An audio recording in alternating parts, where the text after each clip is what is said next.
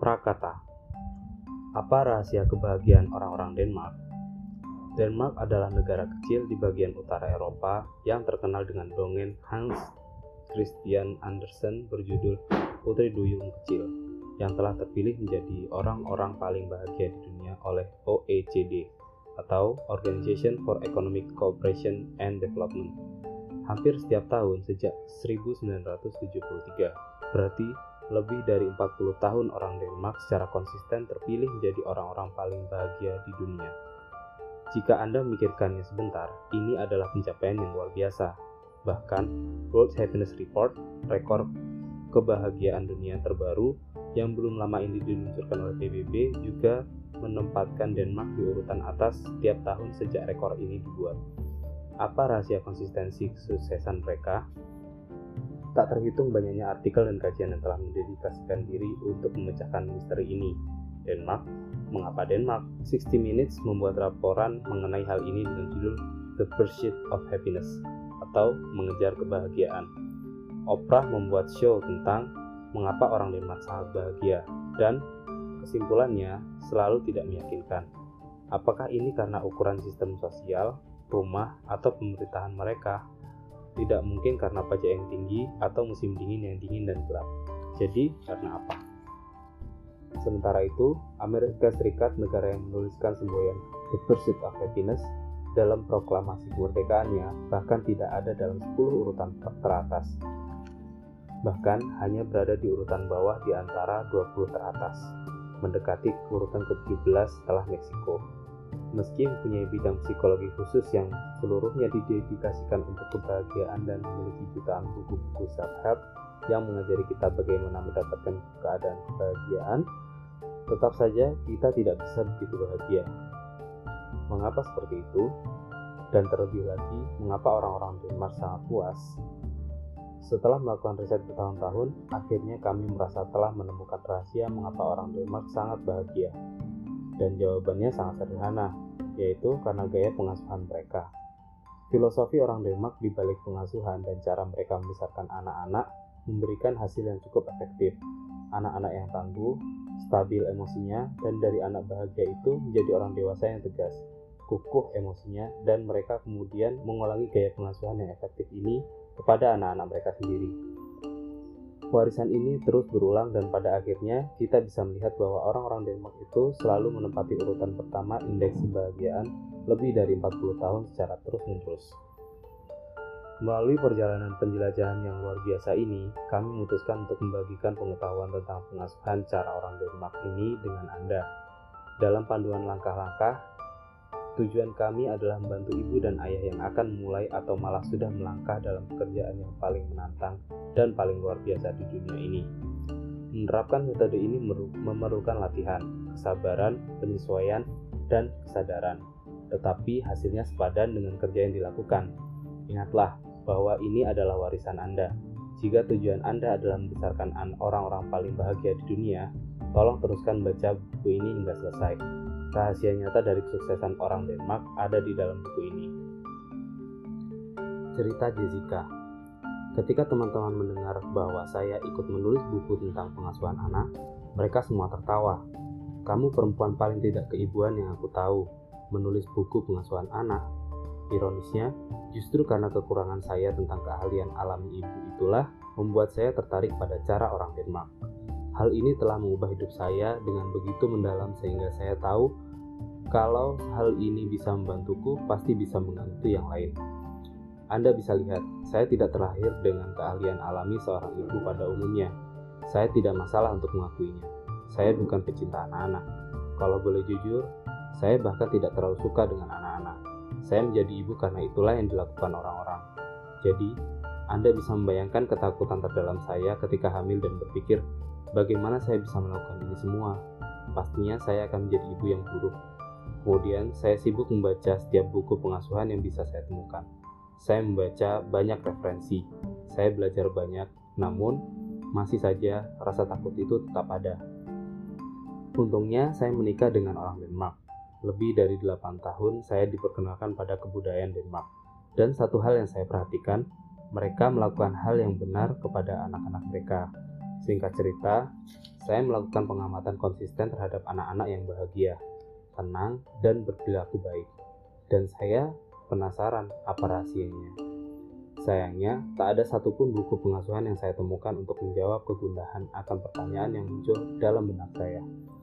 Ketika memiliki anak, saya menemukan diri saya melakukan hal yang paling alami bagi seorang ibu, yaitu menanyakan jawaban kepada teman-teman Denmark dan keluarga untuk setiap pertanyaan yang tiba-tiba muncul.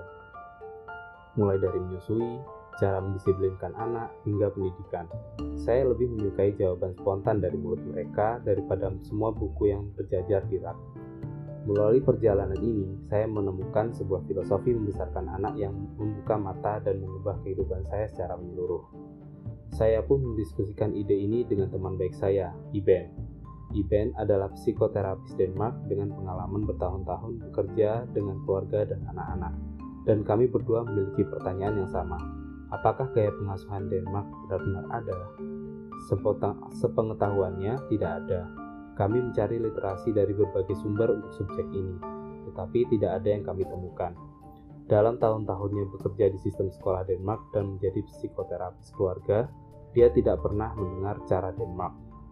Dia mengetahui semua teori akademik dan riset dari praktik pengasuhan yang sebagian besar dia gunakan di keluarganya sehari-hari. Namun, apakah memang ada gaya pengasuhan yang berbeda yang sudah tertanam di budayanya yang belum dia lihat?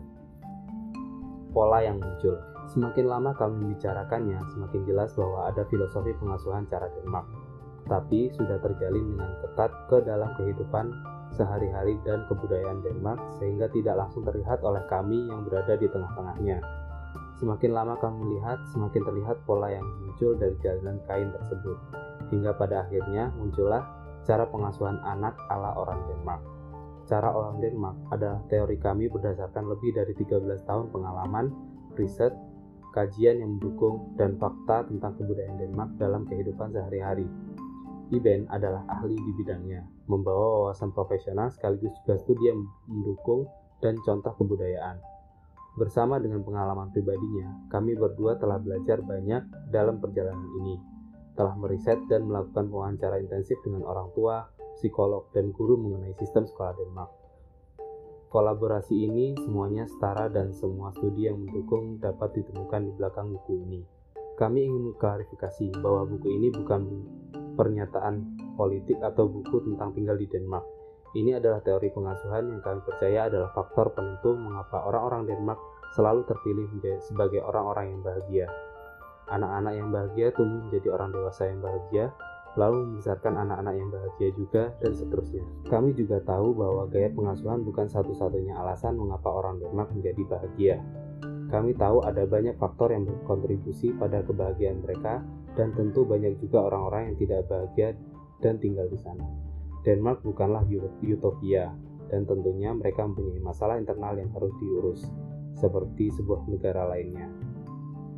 Buku ini juga tidak dimaksudkan untuk meremehkan Amerika Serikat, Amerika adalah negara besar. Fakta dan pengamatan yang kami tulis dalam buku ini bukan menyamarataan. Jessica sebagai pribadi sangat bangga menjadi orang Amerika dan sangat mencintai negaranya. Hanya saja dia punya kesempatan untuk melihat dunia dengan kacamata yang berbeda. Melalui lensa Denmark disebut saja begitu. Dan ini telah mengubah seluruh perspektif dalam hidupnya. Kami ingin menawarkan kacamata ini, ini untuk Anda. Kenakan dan lihatlah apa yang dipikirkan ketika Anda melihat melalui kacamata ini.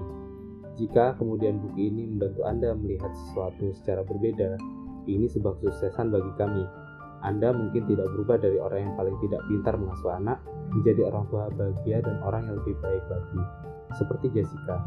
Tetapi kami berharap perubahan positif, dan kami berharap Anda akan menikmati perjalanan ini. Bab 1. Mengenali apa yang menjadi pembawaan alami kita. Dari waktu ke waktu, kita semua pernah memikirkan apa artinya menjadi orang tua.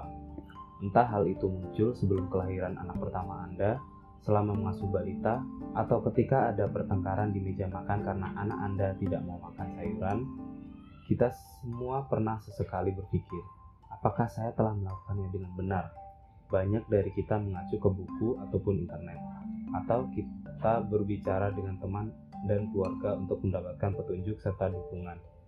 Kebanyakan dari kita hanya ingin ditegaskan bahwa kita faktanya telah melakukan dengan cara yang benar. Akan tetapi, apakah Anda pernah mempertimbangkan bagaimana cara yang benar? Dari mana kita mendapatkan ide tentang cara yang benar dalam pengasuhan? Jika Anda pergi ke Italia, Anda akan melihat anak-anak makan malam pukul 9 dan berlarian di restoran hingga menjelang tengah malam. Bayi-bayi Norwegia biasanya diletakkan di luar rumah pada suhu minus 20 derajat Celcius itu. Dan di Belgia, anak-anak diperbolehkan minum pil. Untuk kita, beberapa dari tingkah laku ini mengerikan, tapi untuk orang-orang tua tersebut ini adalah cara yang benar.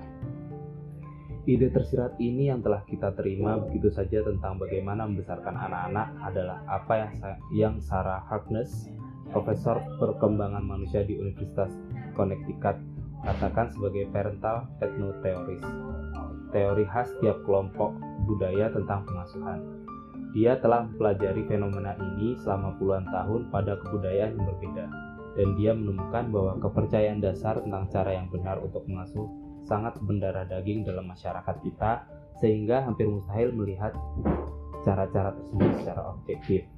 Bagi kita, cara ini hanya terkelihatan sebagai cara biasa saja.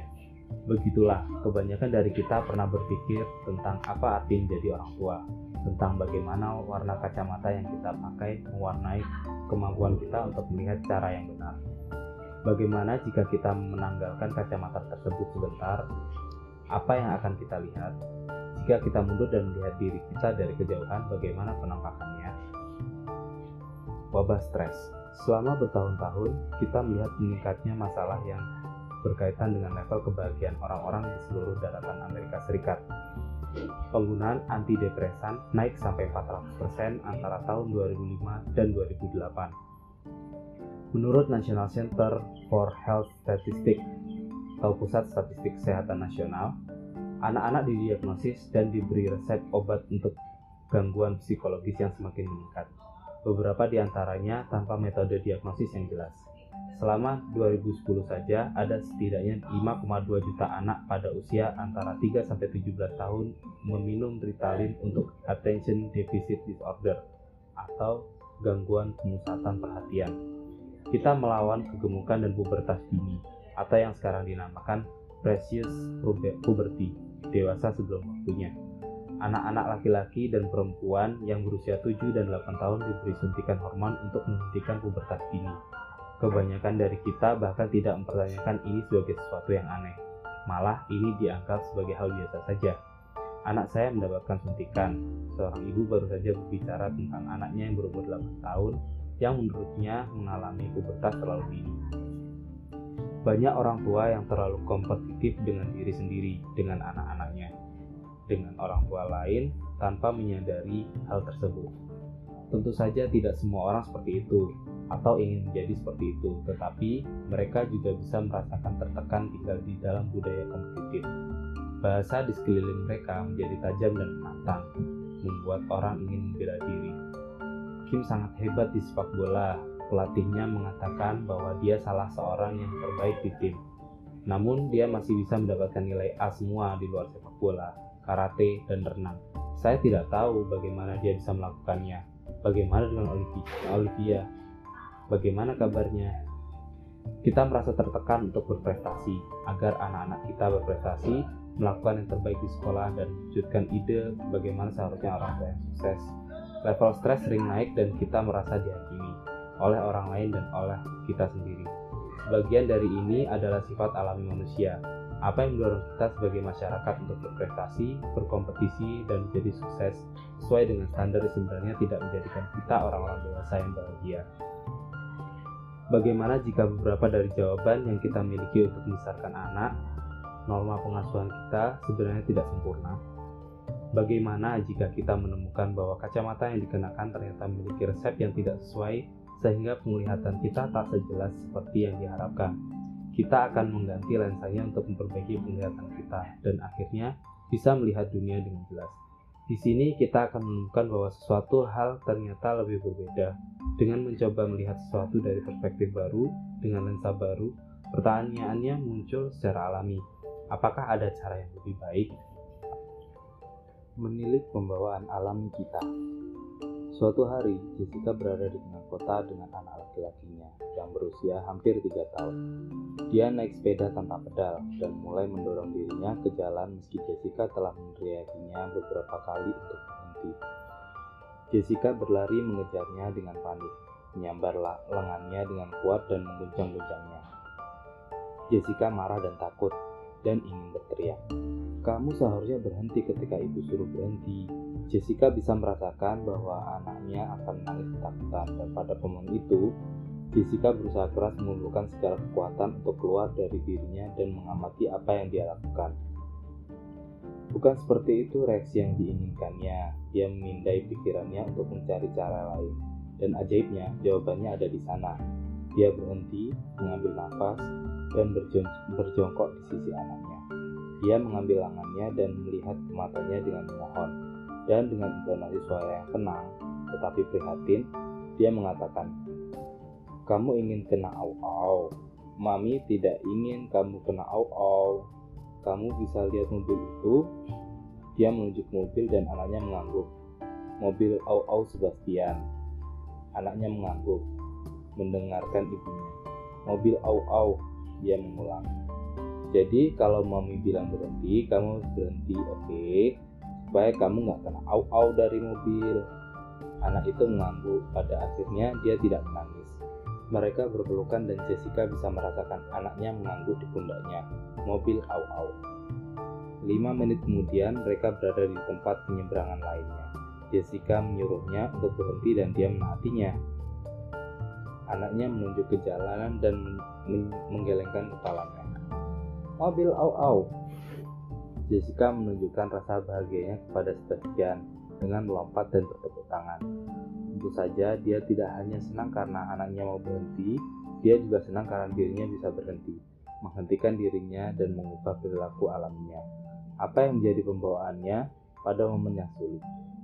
Ini tidak mudah, tetapi setelah melakukan ini ampuh mengubah situasi yang bisa mendatangkan stres dan berpotensi meledak menjadi situasi yang aman dan menyenangkan dan hasilnya membuat mereka lebih senang karenanya. Kadang kita lupa bahwa cara mengasuh anak layaknya seperti kita adalah kata kerja. Perlu usaha dan kerja untuk memberikan hasil yang positif. Ada banyak kesadaran diri yang perlu dilibatkan untuk menjadi orang tua yang baik. Kita perlu melihat apa yang dilakukan ketika lelah, stres, dan ditarik sampai ambang batas. Tindakan kita ini dinamakan default setting atau pembawaan alami Pembawaan alami adalah tindakan dan reaksi yang kita lakukan ketika terlalu lelah untuk memilih cara yang lebih baik. Kebanyakan pembawaan alami kita diturunkan dari orang tua. Setelah itu, sudah mendarah daging dan terprogram di dalam diri kita seperti motherboard pada komputer. Pembawaan ini adalah setelan pabrik yang akan kembali ketika kita berada di ambang batas dan tidak bisa berpikir. Setelan ini telah dipasang pada diri yang bermula dari cara kita diasuh. Ini adalah ketika kita mendengar diri kita sendiri mengatakan sesuatu yang tidak diinginkan untuk dikatakan. Ini adalah ketika kita melakukan sesuatu dan bereaksi dengan cara yang tidak yang kita sendiri tidak yakin bahwa itu diinginkan. Ini ketika kita merasa buruk karena sebenarnya kita tahu bahwa ada cara yang lebih baik untuk mendapatkan hasil dari anak-anak, tetapi tidak yakin itu apa. Siapa pun yang mempunyai anak-anak akan akrab dengan perasaan ini. Karena itulah sangat penting untuk melihat kembali setelan bawaan, mempelajarinya dan memahaminya. Apa yang disukai tentang bagaimana Anda bertindak dan bereaksi kepada anak-anak, apa yang ingin Anda sukai, apa yang tidak Anda sukai, apa yang Anda lakukan hanya mengulang dari cara Anda yang misalkan, apa yang ingin Anda ubah, hanya ketika Anda melihat apa yang menjadi kecenderungan alami sebagai orang tua atau setelan bawaan, Anda bisa memutuskan bagaimana keinginan untuk mengubah menjadi lebih baik. Dalam bab selanjutnya, kami akan membantu Anda melihat perubahan positif apa yang bisa dilakukan menggunakan singkatan yang mudah diingat. Parent, play, authenticity, reframing, empathy, authenticity, no ultimatum, dan togetherness atau bermain, otentisitas, memaknai ulang, empati, tanpa ultimatum, dan kebersamaan. Kita akan membahas beberapa metode yang sudah dicoba oleh orang tua di Denmark dan berhasil selama lebih dari 40 tahun. Meningkatkan kesadaran diri kita, membuat keputusan pada saat sadar tentang tindakan dan reaksi kita adalah suatu langkah pertama menuju perubahan hidup yang efektif. Ini adalah cara kita menjadi orang tua yang lebih baik dan orang yang lebih baik.